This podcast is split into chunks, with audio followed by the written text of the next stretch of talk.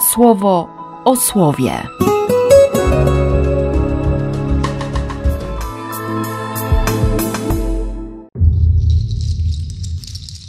Dwudziesty ósmy stycznia, piątek.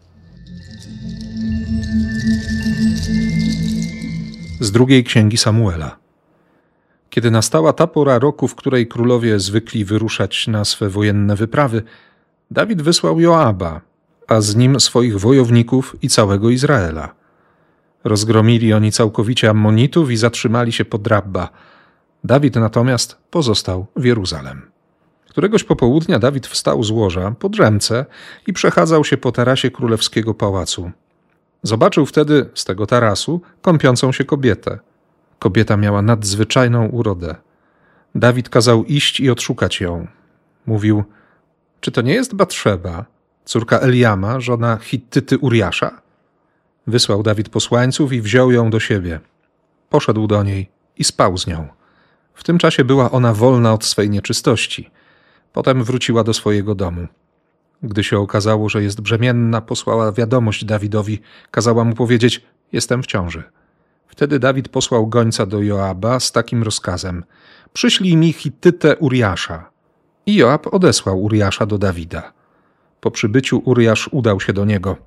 Dawid wypytywał go o zdrowie Joaba, o nastroje wśród ludzi i o przebieg wojny. Potem Dawid rzekł do Uriasza: Idź teraz do swojego domu i obmyj sobie nogi. Uriasz wyszedł z pałacu królewskiego, a za nim niesiono dary ze stołu króla. Jednak Uriasz położył się spać przy bramie króla razem ze sługami swego pana, a do swojego domu nie poszedł. Doniesiono o tym Dawidowi, mówiąc: Uriasz nie poszedł do swojego domu. Wtedy Dawid zapytał Uriasza: Czy nie jesteś zdrożony? Dlaczego nie poszedłeś do swojego domu? Uriasz tak odpowiedział Dawidowi: Arka, Izrael i Juda mieszkają w namiotach, a pan mój Joab i słudzy mojego pana koczują w obozie na gołej ziemi. A ja miałbym iść do swojego domu, żeby jeść, pić i spać ze swoją żoną? Jakże to? Na twoje życie nie mogę tego uczynić. Na to Dawid rzekł do Uriasza: Zostań tutaj jeszcze przez dzień dzisiejszy, a jutro cię odprawię. I tego dnia pozostawał Uriasz w Jeruzalem, a także dnia następnego. Dawid zaprosił go, aby jadł przy nim i pił. Nawet go upił. A on, gdy wieczorem wyszedł, położył się spać na swoim legowisku razem ze sługami swojego pana i do swojego domu nie poszedł. Rano Dawid napisał list do Joaba i wysłał go przez Uriasza. W tym liście napisał takie słowa: Postaw Uriasza tam, gdzie toczy się najbardziej zacięta walka. Potem wy zostawcie go, wycofując się, tak aby wystawić go na atak i by zginął. Gdy zatem Joab oblegał miasto, postawił Uriasza na takim odcinku, gdzie, jak dobrze wiedział, wychodzą do walki najmocniejsi mężowie. I rzeczywiście przyszli z miasta mężowie i walczyli z Joabem. Padło dużo zabitych ze sług Dawida. Zginął też Hittyta Uriasz. Joab wysłał do króla gońca z wiadomością opisującą cały przebieg bitwy. Gońcowi dał takie wskazania – kiedy skończysz przed królem opis całego przebiegu walki, króla ogarnie gniew, także cię zapyta, dlaczego zbliżyliście się do miasta i zaczęliście walczyć? Czy nie wiedzieliście, że tam z góry miotają pociski? Kto zabił Abimeleka, syna Jerubbaala? Czy to nie kobieta spuściła na niego z muru odłam kamienia młyńskiego, także zmarł w Tebes? Po co podeszliście pod mur? Wtedy ty dodaj, zginął także Hittyta Uriasz, twój sługa. Popędził goniec Joaba do króla w Jeruzalem. Gdy przybył, przekazał Dawidowi wiadomość, tak jak mu opisał Joab, cały przebieg bitwy. Wtedy Dawid rozzłościł się na Joaba i zapytał gońca, po co podeszliście pod miasto i zaczęliście walczyć? Czy nie wiedzieliście, że radzić was będą z murów? Kto zabił Abimeleka, syna Jerubbala? Czy to nie kobieta spuściła na niego z muru odłam kamienia młyńskiego, także zmarł w Tebes? Po co zbliżyliście się do muru obronnego? Na to goniec tak odpowiedział Dawidowi – Ci mężowie zaczęli brać górę nad nami. Wyszli już nawet przeciw nam na otwarte pole. Jednak myśmy przemogli ich i dotarliśmy za nimi aż do bramy miasta. Wtedy łucznicy zaczęli strzelać z korony muru do twoich sług. I zginęło trochę sług króla. Między innymi zginął twój sługa Hityta Uriasz. Dawid następujące słowa skierował do gońca. Tak powiedz Joabowi. Niech to wydarzenie nie będzie dla ciebie jakimś szczególnym złem – bo miecz syci się śmiercią raz w taki, a raz w inny sposób. Zwiększ swoje bojowe działania przeciw temu miastu. Zbóż je i okaż mu swą przewagę. Kiedy żona Uriasza dowiedziała się, że Uriasz, jej mąż, zginął, opłakiwała swojego męża. Po upływie czasu żałoby Dawid posłał po nią i sprowadził ją do swojego pałacu. Została jego żoną. Urodziła mu syna. Rzecz, której dopuścił się Dawid, była zła w oczach Pana. Z Ewangelii według świętego Marka. Mówił dalej: Z Królestwem Bożym jest tak, jak kiedy ktoś rzuci siew do ziemi. Czy on śpi, czy czuwa, w nocy, czy za dnia, ów siew kiełkuje i rośnie. On sam nie wie jak. Samoczynnie ziemia wydaje plon. Najpierw źdźbło, najpierw źdźbło, potem kłos, potem pełne ziarno w kłosie.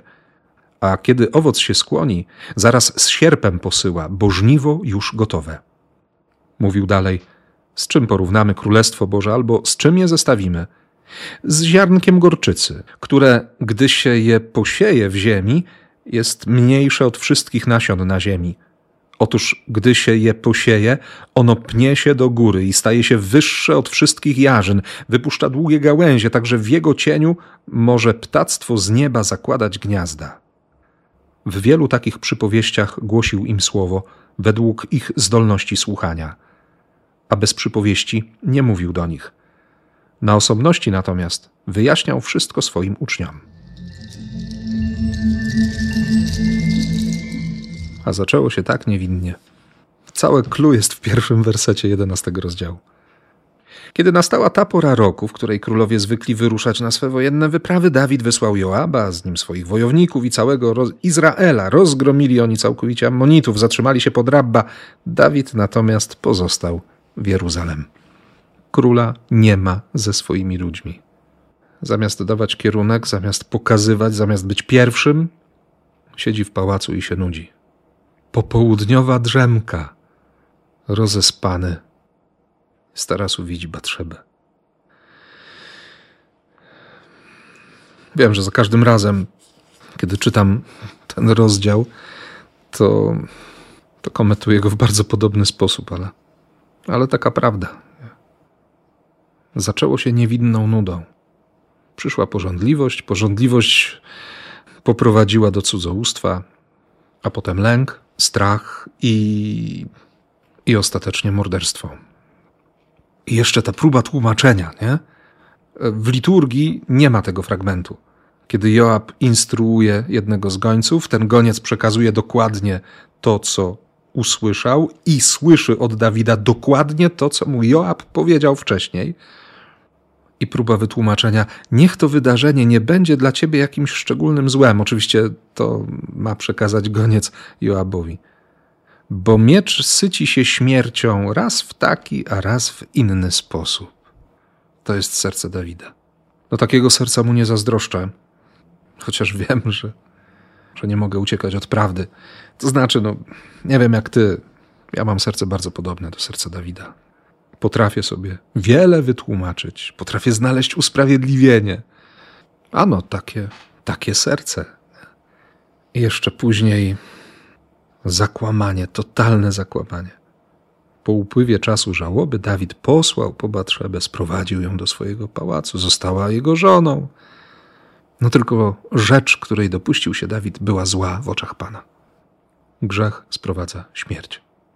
Dlatego, mając na względzie podobieństwo do Dawida, ogromnym pocieszeniem i, i ratunkiem jest dla mnie fragment Ewangelii. Również ten wcześniejszy komentarz, nie? 51 psalm ta szczerość wołania o miłosierdzie. I odpowiedź Boga. Z Królestwem Bożym jest tak, jak kiedy ktoś rzuci siew do ziemi. To jest ta ziemia, o której kilkanaście wersetów wcześniej Jezus powiedział, że, że to będzie ziemia żyzna, to znaczy przeorana, wywrócona do góry nogami, yy, odsłonięta, zraniona. Tak, takie życie, nie? takie serce. I tam pada ziarno. I wszystko jedno, czy, czy się śpi, czy się czuwa, czy w noc jest, czy dzień jest. Siew kiełkuje, rośnie i wydaje plon.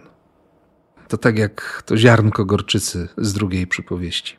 Malutkie, niepozorne, nie rokujące zbyt wiele, nie budzące nie wiadomo jakich nadziei. Ale ono pnie się do góry, ma w sobie ten dynamizm, tę siłę. I zaczyna się wszystko od pęknięcia.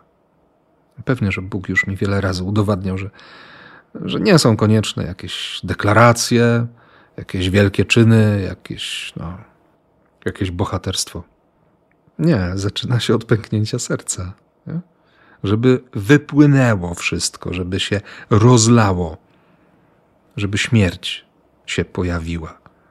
Tak, śmierć grzechu, przyzwyczajenia, nałogów, żeby była pustka. Nie?